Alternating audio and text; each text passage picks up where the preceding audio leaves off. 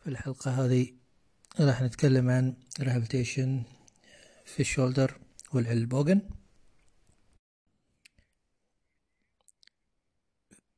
في الأولد um, de dauer der Rehabilita- Rehabilitation oft langwierig und kostenaufwendig. Hauptindications sind degenerative Aufbruch äh, des äh, Schulterhauptgelenks, Omarthrose oder Rotate, Rotatorenmanschette. Vor allem im mittleren und späten Stadium mit residiven und persistierenden äh, Beschwerdebildern und Fun Funktioneinschränkungen meist als Heilverfahren. Ähm, entzündliche rheumatische Gelenkaffektionen, Zustand nach Sinevektomie, Heilverfahren oder äh, Ausschlussheilverfahren. AHB. Äh, schmerzhafte Schulter, Teil, Einstufung, Einsteifung, posttraumatisch Zustandbilder, konservativ, konser- konservative oder operative behandelt, subkapitale Hummerschaft sowie perikondylare äh, Humerus- und Olecranon-Frakturen als AHB. Zustand nach subkapitalen Humerus schafft äh, Korrektur Osteotomien in der frühen Post-Op-Phase als ambulante Maßnahme. Zustand nach operative Gelenk erhaltene Ausräumung einer Humerus-Kopfnekrose als AHB und nach arthroskopischer oder offener Akromyoplastik, eventuell mit Rekonstruktion der Rotatorenmanschette als AHB, nach operative stabilisierende Eingriffe bei äh, habitueller äh, Luxation, Neigung des äh, Schultergelenk als AHB und nach äh, endoprothetischem äh, Ersatz des Schulter- bzw. des Ellenbogengelenk in der frühen Post-Op-Phase äh, mit noch bestehender Lokalreizzustände sowie Muskulatur und funktionell äh, Defiziten als AHB. Die Hauptziele hier sind Reduktion des Schmerzbilds bis hin zu Schmerzfreiheit,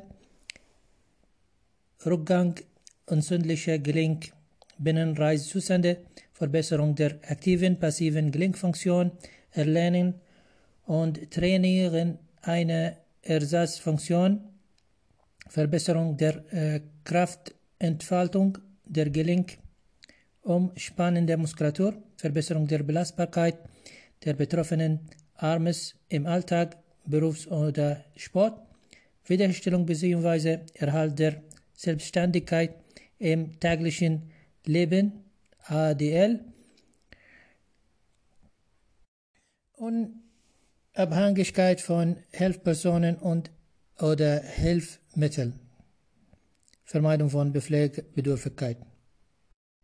Ähm, Die medikamentösen Maßnahmen bei aktivierter Arthrose, rheumatischer Affektionen, früher Postoperativphase steht peripher wirkende äh, nicht-steroidalen Antiphlogistika, NSA, eventuell unter gleichzeitig gab es zentrale oder periphere wirkende Anag- Analgetika sowie auch externe zur Verfügung. Oral Chondroprotektive wie die Glucosamin und Chondroetensulfat sowie die intraartikulär applisierten Hyaluronsäurepräparat spielen eine untergeordnete Rolle. Systemische orale Gabe von Glucocorticoiden als kurzfristige äh, Stoßbehandlung oder langfristige Dauermedikation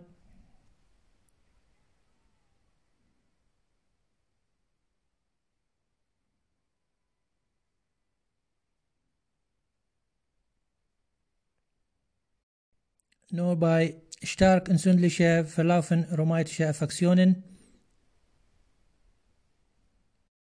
die durch dosierte nichtsteroidale Medikamente nicht befriedigend eingestellt. Außerdem bei ausgeprägten subjektiven Schmerzbildern, zum Beispiel hochgradigen Schultereinsteifung. Intraartikulär Applikation von äh, Kristallokortikoiden ist in erster Linie bei ausgeprägten exudativen synovektomischen Reisezustände, auch mit Arthrosen, mit exzentiertem Beschwerdbild. Effektive Präparate sind Dexamethason, Trimesonolon, bei subacromial Reisezustände, Impingement-Syndrom bei rotate Rindmanscheten, Arthropathie, bei Sehnenansatz Tendopathien wie Crocaidios, Processus crocaidios oder Tuberculum majus, lateral bzw. medial Humorus epicondylus und im Falle die Bursitis und Subdeltoide bzw. Leukrenie. Basisrobotika wie Sulfasalazin, Laflunomid, Chloroquin, Antimalarienmittel, Goldpräparat, Dipenicillium sowie Immunosuppressive Suppressive wie Methotrexat, Cyclosporin, A benutzt für die Langzeitbehandlung destruierende verlaufende Erkrankung des Rheumatiker Formkreisen soll eingestellt durch einen erfahrenen Rheumatologen. Im Rahmen, der Rehabilitation spielen die Substanzen im Allgemeinen keine wesentliche Rolle. Antibiotikprophylaxe One-Shot oder über äh, 24 äh, Stunden mit Implantation, äh, Implantation einer Endoprothese. Es ist zwingend geboten. Zum Prophylaxe, Ossification, äh, Prophylaxe ähm, benutzt man ENSA nach Alplo, äh, alloplastischem Ersatz mit die Schulter- und Ellbogengelenke insbesondere gefallen, äh, wie erhebliche beantragte Mobilisation der Patienten. Thrombo, äh, Thrombombolie, äh, Prophylaxe mit äh, fraktioniertem Heparin oder oralen Thrombo, Thrombenhemmern ist nur in Ausnahmefällen nur anzureichende Mobilisation der Patienten notwendig. Als physikalische Maßnahme, der Einsatz lokal wirksamer physikalischer Behandlung, Satin kommt in erster Linie bei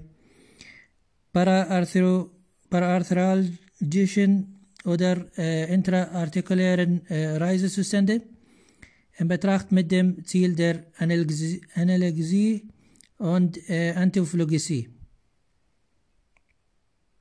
Thermotherapie, Lokalthermotherapie wie Heiserole, äh, Fango, äh, hochfrequente Wechselstrome Strome werden in der Regel bei chronischer entzündlich Gelenkprozessen mit begleitender Dysfunktion der gelenkumspannenden Muskulatur ist empfohlen. Kryotherapie ordentlich appliziert kalt, wie Kryotherapie mit Eis oder Gelbbeuteln, Gelbbeuteln Peloide führt über die Reduktion der Aktivität enzymatischer Gewehrprozesse, die Detonisierung der Muskulatur und die Herabsetzung der Nervalaktivität zu einer effektiven Analgesie und Antiphlogesie. Täglich ein bis mehrfach Anwendungen über 10 bis 15 Minuten bei äh, posttraumatischen Reizzuständen und in der frühen postoperativen Phase nach Akromyoplastik, Endoprothesischem Gelenkersatz, Osteotenthese auch als einleitende Maßnahme vor Durchführung Krankengymnastik, Übungen. Hydrotherapie-Maßnahme eventuell mit äh, mechanischer Reibung oder äh, Borstungen oder Güsse, speziell äh, Wannenbäder mit natürlichen oder externen Zusatzstoffen wie Salzen, Ölen, Bepflanzextrakten, ähm,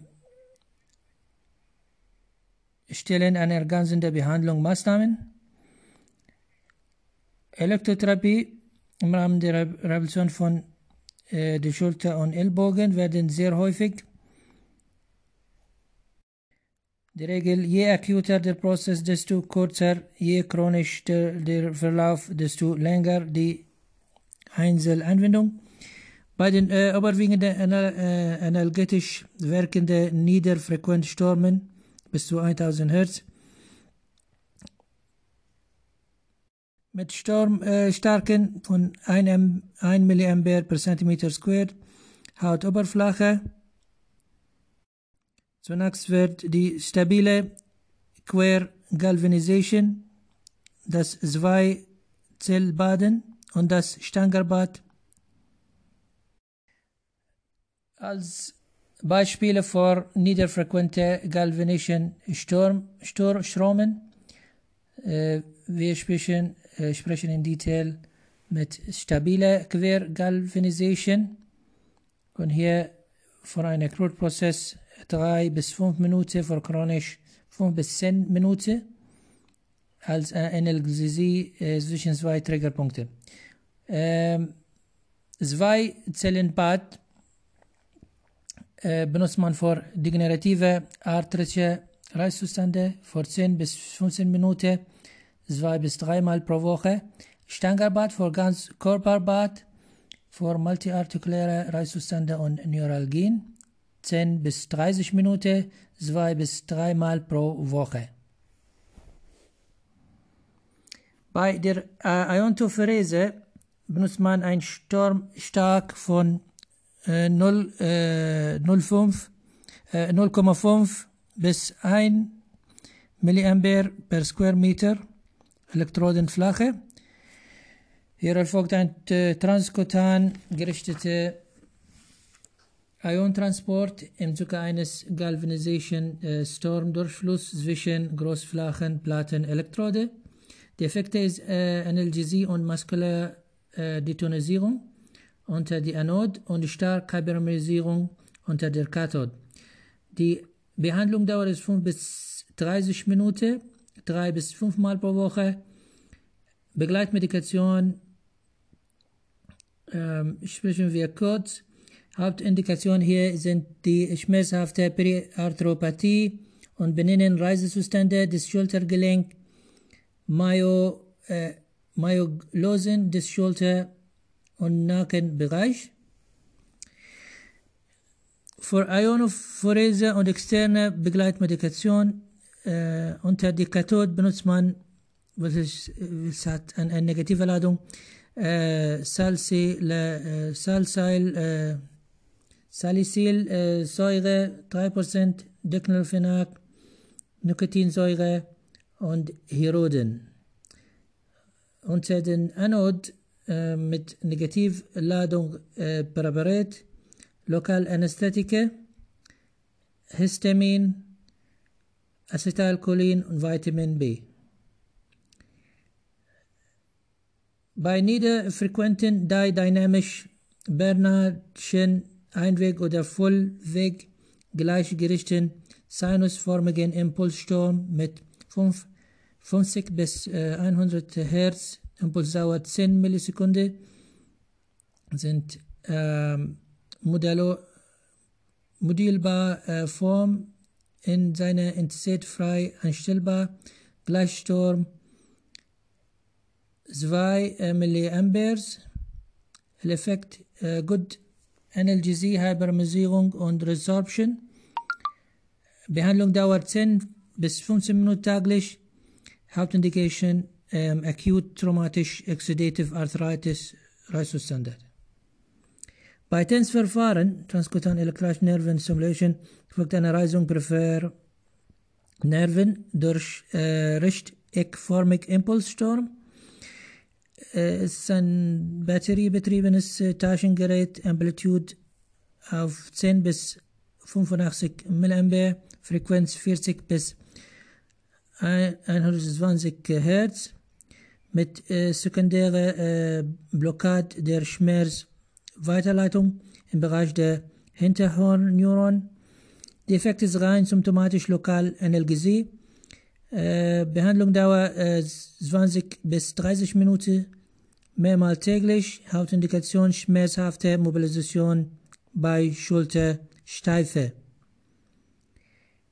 Mit dem mittelfrequenten Strom 1000 bis 300.000 Hertz führen wir eine asynchrone Antwort der ergbaren Zellen auf das niedrigen kapazitiven äh, Gewebwiderstand wird nur eine geringe Stromspannung benötigt. Hohe Stromdicht ohne sensible Hautbelastung möglich. Behandlung Art muss man Nemektroden, Wechselsturm mit Interferenz zweier Frequenz und Phasen verschobener Stromkreise mit konsektiver Reiserhöhung in ihrem Oberlebensgebiet. Interferenz, Interferenzfrequenz äh, 100 bis 200 Hertz, Effekt Lokalanalgesie, Lokalmuskulardetonisierung, Lokalhyperemie, Hyperemie. Behandlungsdauer bei Akutsymptomen 5 bis 10 Minuten, chronische Prozesse 10 bis 15 Minuten täglich, Hauptindikation muskuläre Dysfunktionen und Gelenkbindungen-Reißzustände. Bei hochfrequenter Sturm über 300.000 Hertz muss man Kurzimpulsdauer, die äh, führt zu einer chemischen Reise mit Wärmewirkung durch elektromagnetische Wellen, Deutermie. Äh, keine unmittelbare äh, Hautkontakt der Elektroden erforderlich. Effekt hier lokal Hypermerisierung und Stoffwechselsteigerung, gut Analgesie, Muskeldetonisierung, Viskosität, Erhöhung der Synovialflüssigkeit, nur gering Kreislaufbelastung. Anwendungsformen Kurzwelle 27,12 MHz, Wellenlänge 11,062 Meters,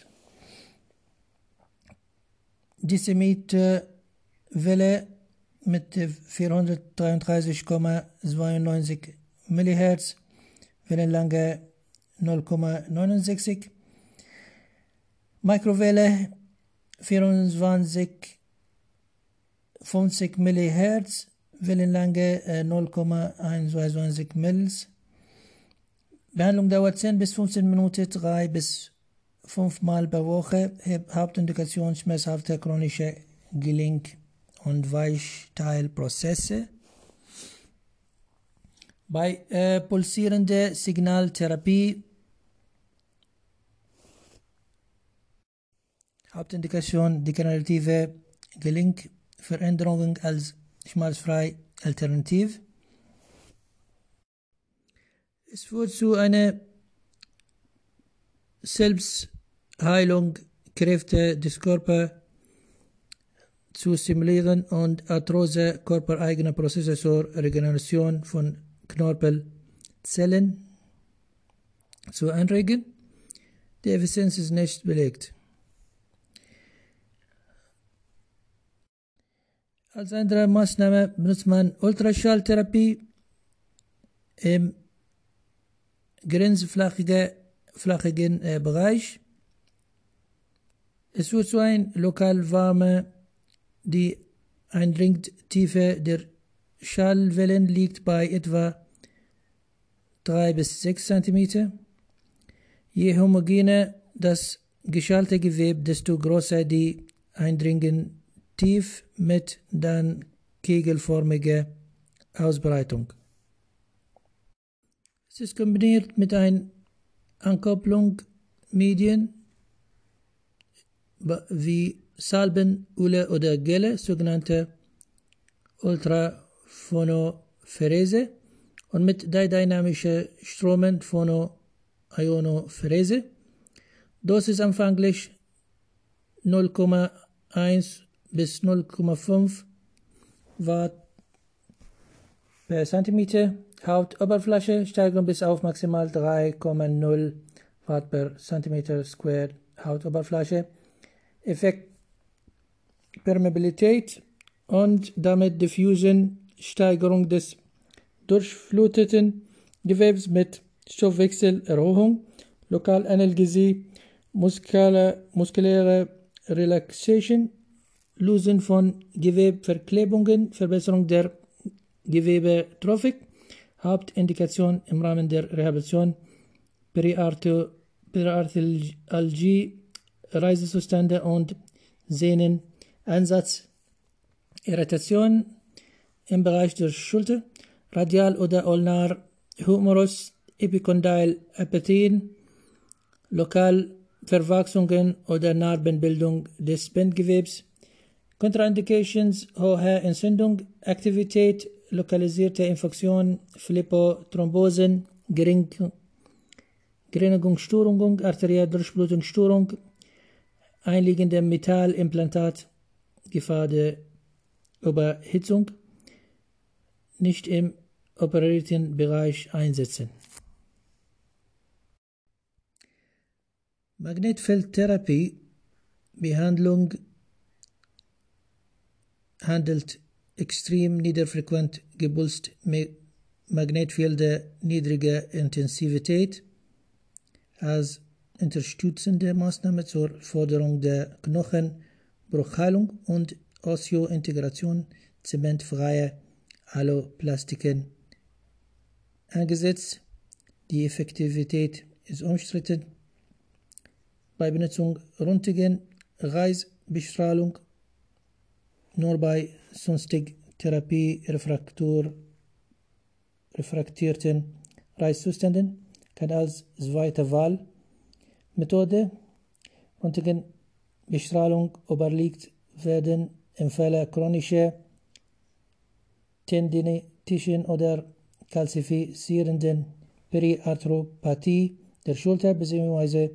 einer hartnäckigen radialen oder ulnaren Humerus Epicondylopathie, wenn die veränderte Lokalstoffwechsellage eine Erhöhung der Empfindlichkeit auf ionisierende Strahlen mit sich bringt. Ultraschall Zerströmung als weitere Alternative kommt in diesem Fall nach einer Ultraschall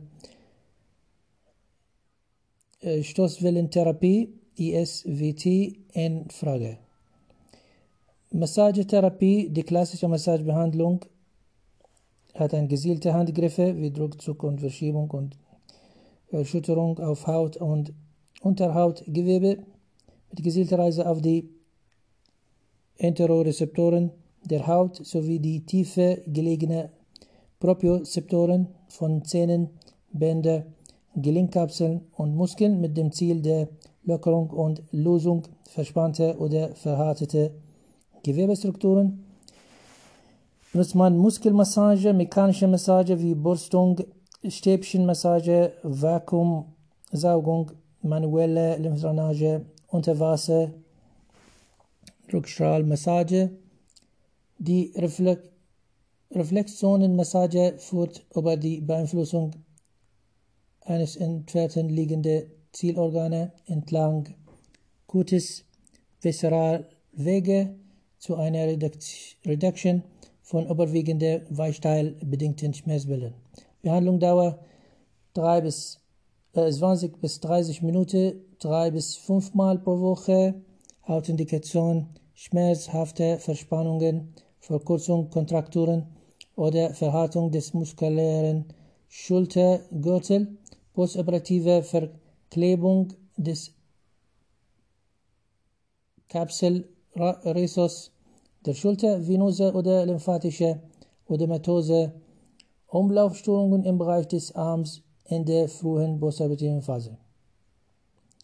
Kontraindikation der Massagebehandlung sind lokal entzündliche Prozesse, Thrombophlebitis oder freche Thrombosen sowie die kompensierte Herzinsuffizienz. هنا خلصنا الماسنامة الفيزيوثيرابeutische physikalische Maßnahme zum Bewegung therapeutische Maßnahme äh, durch äh, Schonung bedingte Wegfall der Funktion Bewegung und Dehnungreise ähm, mit entzündlicher Periode intraartikulärer Reifzustände sowie durch längere Zeit vorbestehende postoperative Schmerzbilder kommt es vor allem nicht selten die Schrumpfung der Gelenk umgebende Weichteilstrukturen.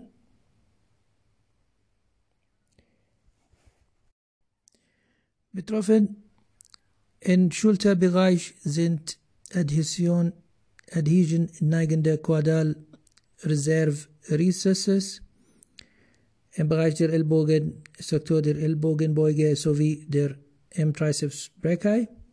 Zum Erhalt sehen wir Wiederherstellung die hoch, höchste Maße in funktionaler, funktionale Leistungsfähigkeit der betroffenen Gelenk ist deshalb in also alle Fällen eine gezielte Bewegung Therapie erforderlich. Die Primärziele einer krankengymnastischen Behandlung im Rahmen der Rehabilitation sind Schmerzlinderung durch Entlastung der Gelenk, Deteriorisierung hypertone periartikuläre Muskulatur, Gruppe, durch vorsichtige Lockerung und Dehnungübungen, vorsichtige, schrittweise gesteigerte manuelle Dehnung einer geschrumpften und damit kontrakten Gelenkkapseln, eventuell mit zusätzlicher Wärme oder kalter Application, Quermassage und post-isometrische Relaxation, Verbesserung der Gelenkbeweglichkeit durch schmutzfreie passive Durchbewegung, auch widerlegende Mobilisation im Rahmen Funktionalbewegung Lehre, FBL, durch rhythmische Bewegung Übungen, Kräftigung der Gelenk äh, und äh, stabilisierenden Muskulatur sowie Korrektur von Fehlstellungen durch gezielte aktive Spannungsübung, BNF-Pattern, Einsatz von Therabanden, Partnerübungen, auch Prävention, äh, Muskulärdefizits durch gezielte Aktivübungen, Verbesserung der äh, Knorpelnährung durch äh, intermittierende Manual Traction, Verbesserung äh, der motorischen Funktion wie Kraft, Ausdauer, äh, Coordination, Geschicklichkeit durch Eigen- oder Partnerübungen an einer äh, Sprossenwand oder mit speziellen Hilfsmitteln wie Pizzi, Ball, Skateboard oder Stäben. Erlernen von Ersatzfunktionen, kompensatorisch Bewegungsmuster. Im Akutstudium erster Linie Übung aus der funktionellen Bewegunglehre sowie assistive Übungen unter Abnahme der Eigenschwere in Frage. Im späteren Verlauf mit Rückgang des Gelenkreisezustande dann vor allem aktive isotonische dynamische Bewegungen, auch manueller Widerstand, statisch oder isometrisch Übungteile. Des Weiteren eine Kräftigung der antagonistischen Muskulatur.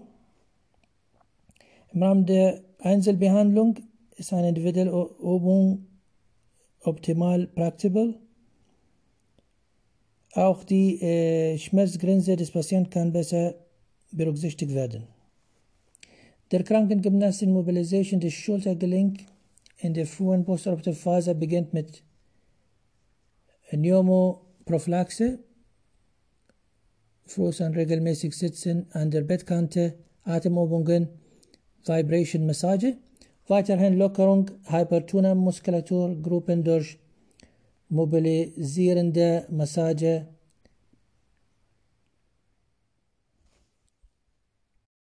Passive geführte Flexion bis 90 Grad ab dem Operationstag.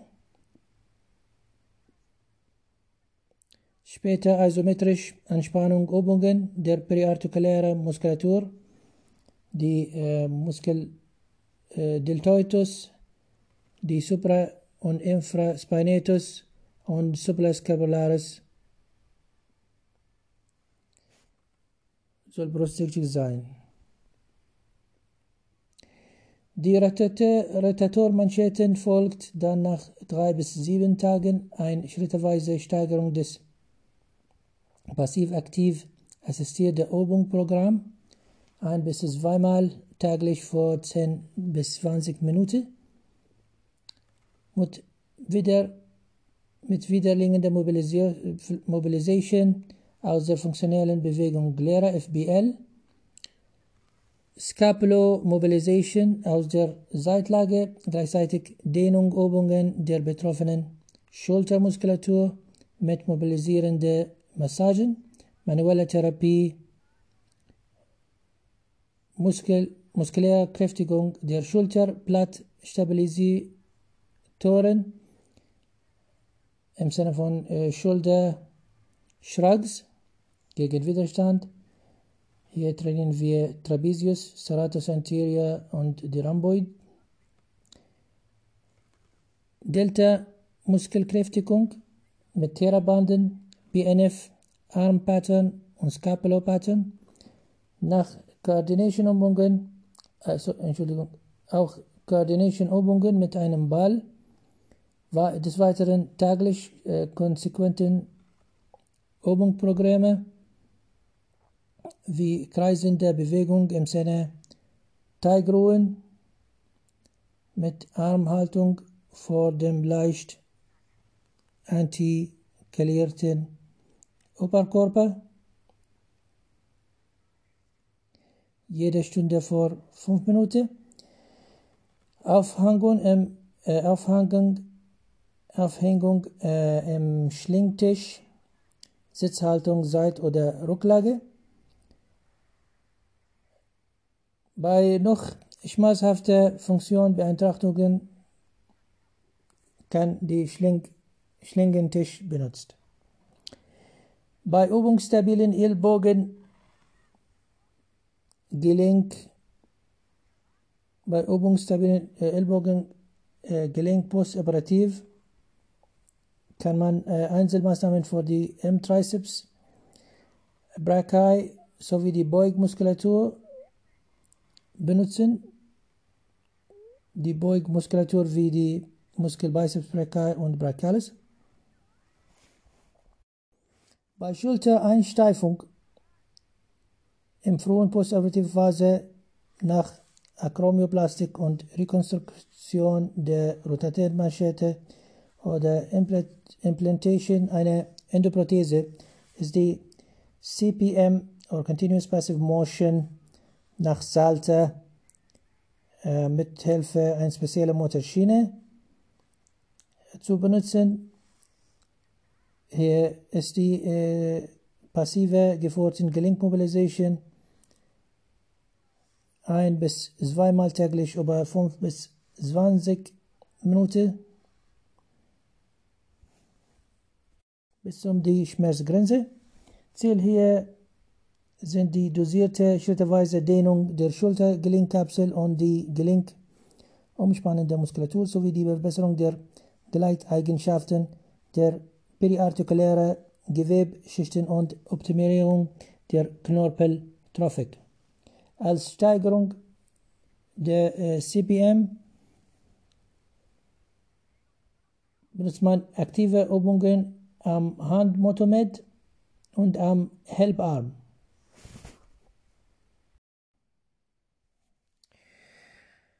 Für die Krankengymnastik Bewegungbad im Thermalbad bei den Schulteraffektionen kommt in erster Linie in der früh, frühen Post-Op in Wassertemperatur von 34 bis 36 Celsius und kommt zur muskulären Detonisierung und hilft zum äh, Kontrakturen abzubauen. Es gibt spezielle Übungen unter Abnahme der Eigengewicht des Arms. Die fordert Mobilisation, Coordination, Ausdauer und Kraft. Die geschwächten oder operative Post-op geschädigten gelenkt Muskulatur. Bei der Einzelbehandlung kommt es zum, äh, in der Rückenlage mit passive Mobilisation Übungen mit Hilfe der Therapeuten oder im Stehen mit Hilfe Hilfsmittel wie Bälle, Schwimmbrettchen, Schwimmpade, Paddel, äh, Stäbe und benutzt die Wasserwiderstand. Contraindications for Bewegung im Bad ist äh, gestörten äh, Wundheilung, äh, gener generalisierten äh, Infekten und drohende Herz- und Kreislaufinsuffizienz.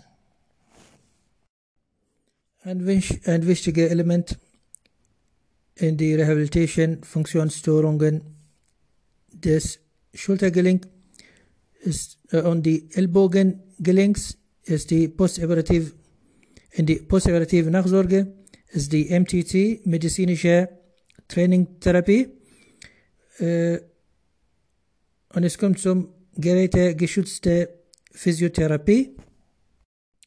Es enthält aktive Einheiten, die über die Bewegung bat, den Widerstand und auch Repetition mit wechselweise Beanspruchung die unterschiedlichen Muskelgruppen. Im Atemrhythmus selektiv modifiziert mit 15 bis 20 Wiederholungen des Bewegungsablaufes unter Spiegelkontrolle. Die Widerstände kann man benutzen ein reduziertes Gewicht, die ist hier wichtiger in das spezielles Training der Kraftdauer. Bei hoher Anzahl der Einzelwiederholungen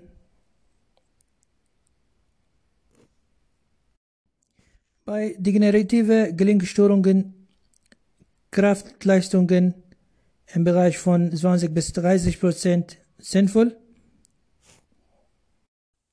Die entspricht 30 bis 40 Übungswiederholung mit niedrigen Gewichten. Ein Prevention Training liegt bei 60 bis 70 Prozent muskulär Kraft Anstrengungen. In der Einzelbehandlung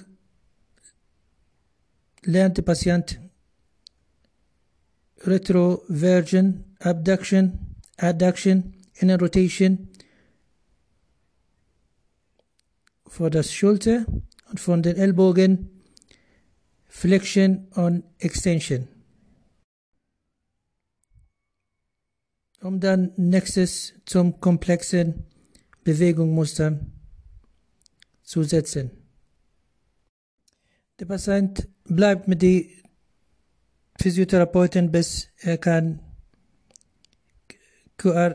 koordinative weitgehend selbstständig kontrollieren kann.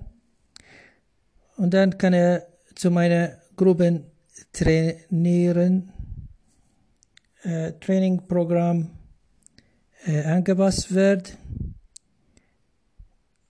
zum täglich dreimal wochentlich über 30 bis 60 Minuten vor mehreren Monaten.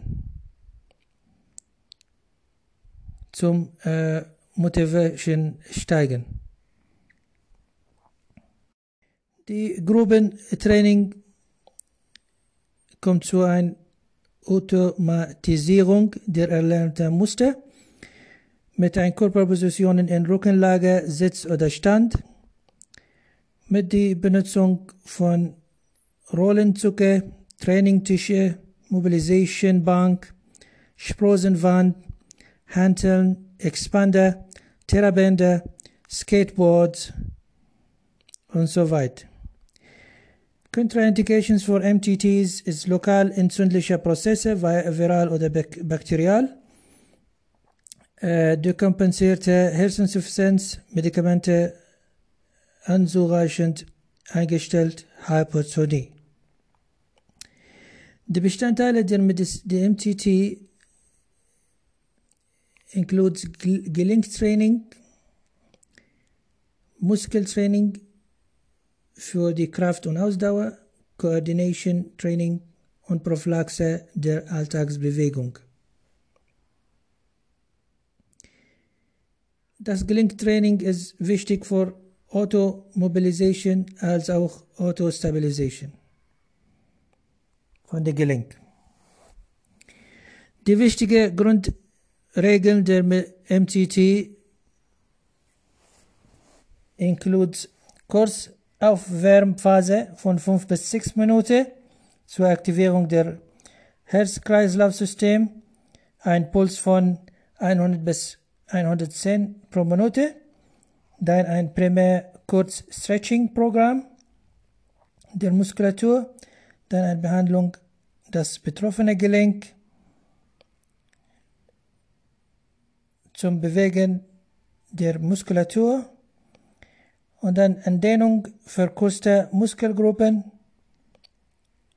dann erst Kräftigung, Übungen für geschwächte Anteile, alle Übungen im Atemrhythmus durchgeführt, Pressatmung zu vermeiden.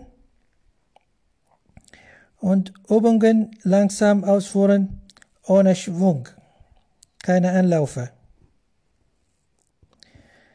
Alle Übungseinheiten im schmerzfreien Bereich, also anfänglich leichte muskuläre Beschwerden ausgenommen. Zunächst einfache, selektive, funktionelle Abläufe in nur einer Raumebene trainiert, dann komplexe Bewegungsmuster. Vermeiden, Vermeiden von Abweichbewegungen, kein plötzliches Abbrechen des Übungsprogramms, sondern abschließend Lockerung mit Muskelentspannung, Dehnungsübungen oder passive Maßnahmen. Als Steigerung der MCT im Spätstudium der Rehabilitation nach die Abklingen die Gelenkbinnenreisezustände ist das isokinetische Training. Und hier kommt die gesielte Kräftigung, die weitere gesielte Kräftigung der Schulter und Oberarmmuskulatur mit Benutzung ein Cybex, ein computergesteuerter Aperitif. Am Ende und letztlich kommt das therapeutische Sport als ein integrativer Bestandteil des Programms. Die steht meist am Ende des funktionellen Training. Und hier ist das beschwerdefreie Gelenkfunktion trainiert mit Muskulatur, Kräften, Verbesserung und koordinativen Leistungsfähigkeiten und Schulung über die optimale Körperbeherrschung und die stehende Behinderung leichter überwunden wird.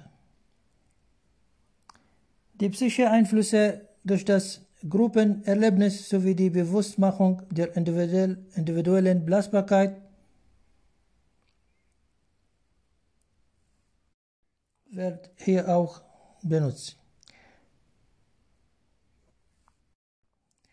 Bei degenerativen Gelenkerkrankungen, auch bei operativen Eingriffen im Bereich der Rotatormanschetten oder die endoprothetischen Gelenkersatz sollte der Sportmediziner einzelnen Bewegungsprogramme individuell und detailliert vorgeben, mit Anpassung und Modification der Sportarten bei den bestehenden Behinderungen.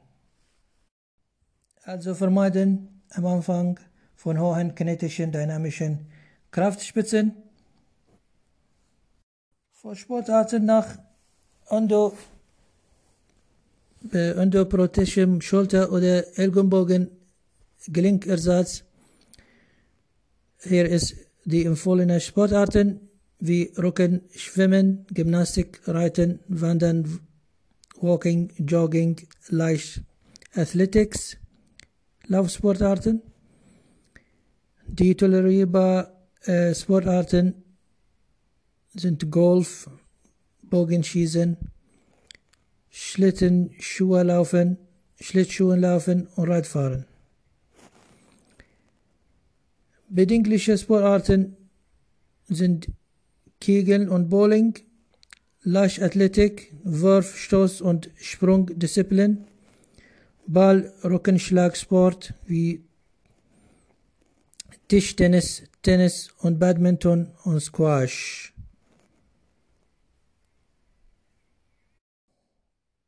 In den Schulterbereich kommt es auch zum Ergotherapie und Hilfsmittelversorgung, ähm, spezifisch bei Schwerstörungen der Schulter und Ellbogen. Im Rahmen einer handwerklichen Tätigkeiten, die ist angepasst zum die vorliegende Funktion Störungen mit Hilfe Geräte. Die Ziele hier ist die Wiedergewinnen oder Erhalt der Gelenkfunktion, Muskulärkräftigung der Gelenkmuskulatur, prophylaktisch Gelenkschutz, soziale und berufliche Wiedereingliederung und psychologische Ablenkung von Krankheit.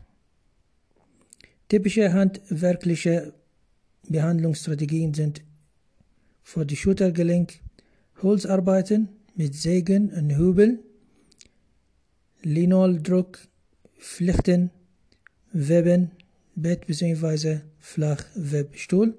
Für die Ellbogen leichte Holzarbeiten, Sägen, Flechten, Teppichknüpfen, Weben, Tüpfen, Schrauben, drehen. Relative Contraindications sind akut entzündliche Lokalprozesse und äh, schmerzbildende Prozesse.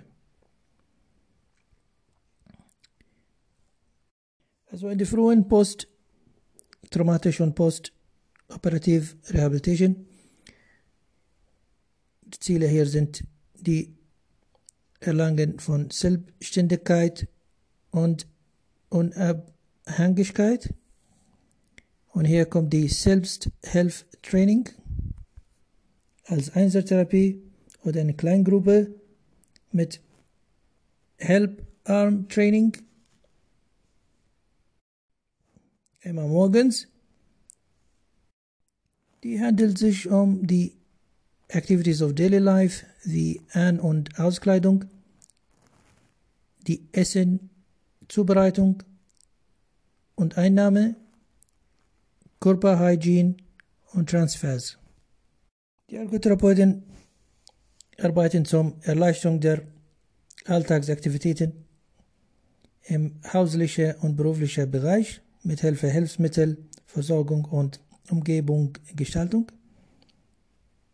wie Toilette und Bad.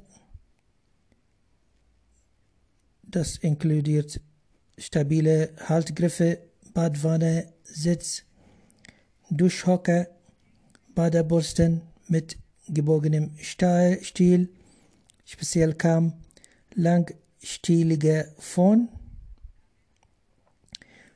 Für die An- und Auskleidung Schuhe und Strumpffansiehilf. Greifzang für die Haushalt. Speziell Stücke oder Ansatzstücke für Wasserhähne. Kehrschaufeln und Handfeger, hausliche Verhältnis mit Regalen auf Augenhöhe,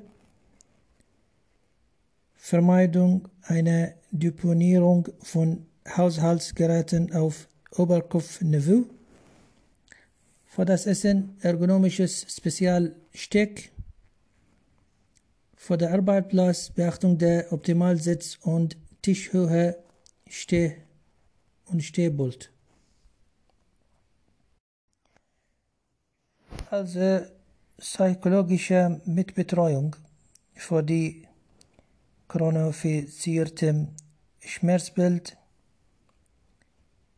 kann man die Patient in einer Entspannung Training mit Progressive Muscle Relaxation nach Jacobson oder autogenes Training als Grupptherapie, auch Teilnahme in Schmerzverarbeitungsprogrammen bis zum psychotherapeutischen Einzelgespräch. Für die örtliche Versorgung von einer temporären Ruhestellung im Schulter fixierende Dissolved oder Gilchrestverband ist die Regel. Bei hochschmerzhaften posttraumatischen Bildern, insbesondere bei konservativer Behandlung von Humeruskopffrakturen, früh postoperativphase nach Osteosynthese, nach Reconstruction der Rotatormanschetten oder endoprothesischem Gelenkersatz. Zur Vermeidung von Verklebung des caudalen Kapselrhizus sollte frühzeitig zwei, zwei bis vier Tage eine weich, gut gepolsterte Abduktionbrace oder Brieftragerkissen eingesetzt. Eine dauerhafte Versorgung wegen Instabilität des Gelenks ist selten erforderlich. Im Bereich der Ellbogen in der frühen Phase nach Osteosynthese oder Endo, äh, Prothese, äh, Implantat eine temporäre Immobilisation im Oberarm-Scheinverband, Schienenverband zu überlegen. Im Falle einer chronischen Humerus-Epicondylitis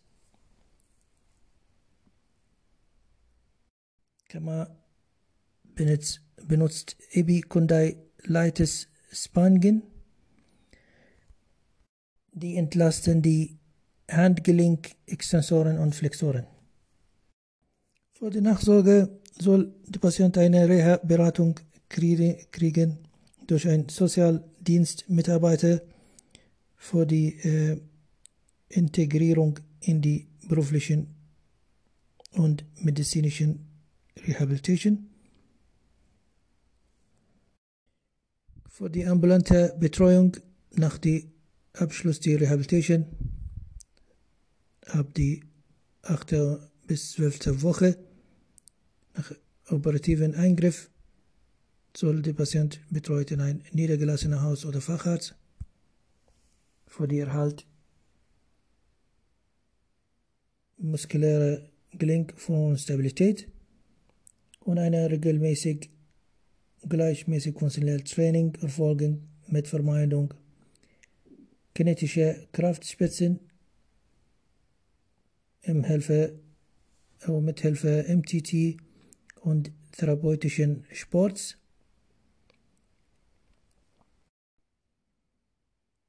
Mit ein bis zweimal pro Woche für 30 bis 60 Minuten. Für die Endoprothese Gelegenheitsgesetz nach Beschwerdenfreiheit soll eine jährliche standardisierte klinische und radiologische Kontrolle und Dokumentierung in einer Endoprothese Pass. Für die Qualität, Qualitätssicherung soll die Partellindex benutzt. Ähm, die ist dokumentiert die Pflegeaufwendigkeit. Für die Post-op, für die äh, es, äh, es gibt eine Constant Score für die Documentation von die ähm, Ergebnisse nach ein Post-op in die Schulter gelingt. ونيجي خلصنا shoulder next we'll move to the hand and underarm Thank you.